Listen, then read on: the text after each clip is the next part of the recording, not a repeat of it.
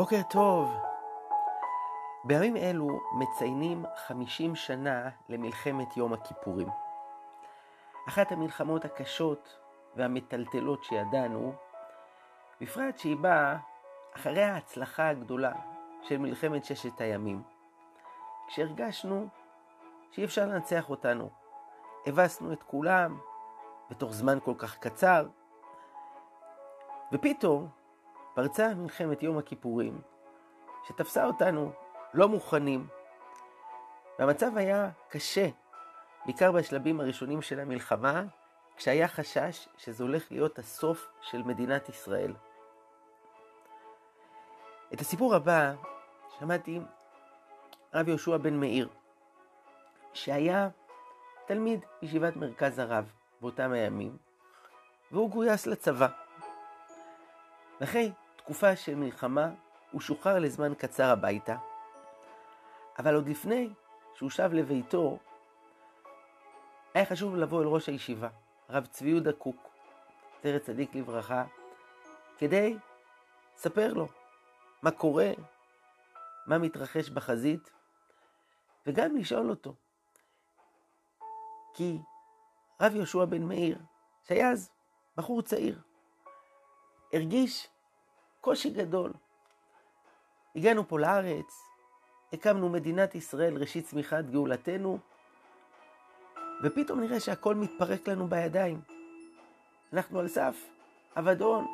חשבנו שהצלחנו, מלחמת ששת הימים, ופתאום אנחנו הולכים להפסיד. מי יודע מה יהיה? איך זה מסתדר לפי התוכניות? מה עם הגאולה שהבטיחו לנו? למדנו בבית המדרש של הרב קוק על גאולת ישראל. מה, ככה? זאת גאולה? זה היה שעת לילה מאוחרת. הוא הלך ודפק על הדלת של הרב צבי יהודה. הוא דופק ודופק, והדלת נפתחת. וראש הישיבה הקשיש עומד מולו ומסתכל עליו. הוא היה אז עם מדים של חייל, עוד לא הספיק להתקלח, חזר ככה מהמלחמה, מלוכלך. הרב ציודה פותח לו את הדלת ואומר לו, איפה הפתק?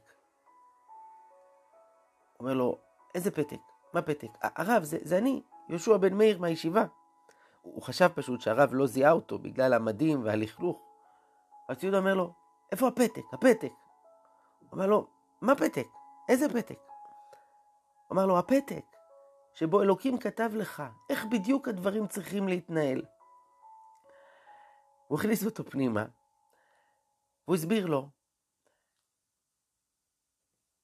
מאיפה המחשבה הזאת, שאתה יודע איך בדיוק צריך לנהל את העולם, איך בדיוק צריך לנהל את גאולת ישראל, מה, יש איזה פתק שאלוקים נתן לך עם התחייבות מפורשת, זה הולך להיות א', ב', ג'? לקדוש ברוך הוא יש את הדרכים משלו, איך לנהל את העולם ואת עם ישראל, ואנחנו צריכים לפעול איתו. לעשות כמיטב יכולתנו בכל שלב, מבלי להכתיב לו מה לעשות, מבלי לכעוס כשדברים לא נעשים כמו שאנחנו היינו חושבים. הסיפור הזה מזכיר לי סיפור אחר על יהודי ששמו הרב זאב סגל, שהיה מקורב לרבי מלובביץ', ורבי שלח אותו איזו משימה מיוחדת בארץ אחרת. וכשהוא חזר, אז הוא בא לדווח לרבי, ששמע את כל הפרטים. ואז רב זאב סגל אמר לרבי, אבל שהרבי ידע, זה לא היה קל הדבר הזה. אז הרבי חייך אליו ואמר, איפה אלוקים הבטיח לך שאמור להיות קל? ונדמה לי שהמשפט הזה הוא כל כך חשוב עבורנו, לא רק מול מלחמות גדולות, אלא בכלל בגישה לחיים. מה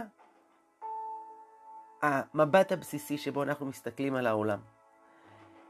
מי שחושב שהוא בא לפה בשביל להתפנק, לשכב באיזה נופש על חוף הים עם הרגליים למעלה, עם איזה כוס של משקה קר וליהנות מהנוף, הוא כל הזמן ירגיש מאוכזב ומתוסכל.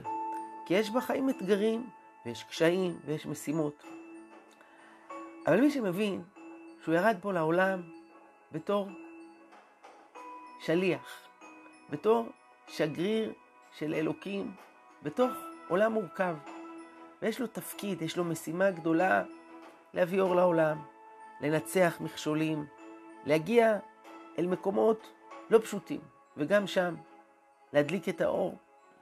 אז ממילא הוא לא נבהל מהקשיים שבדרך.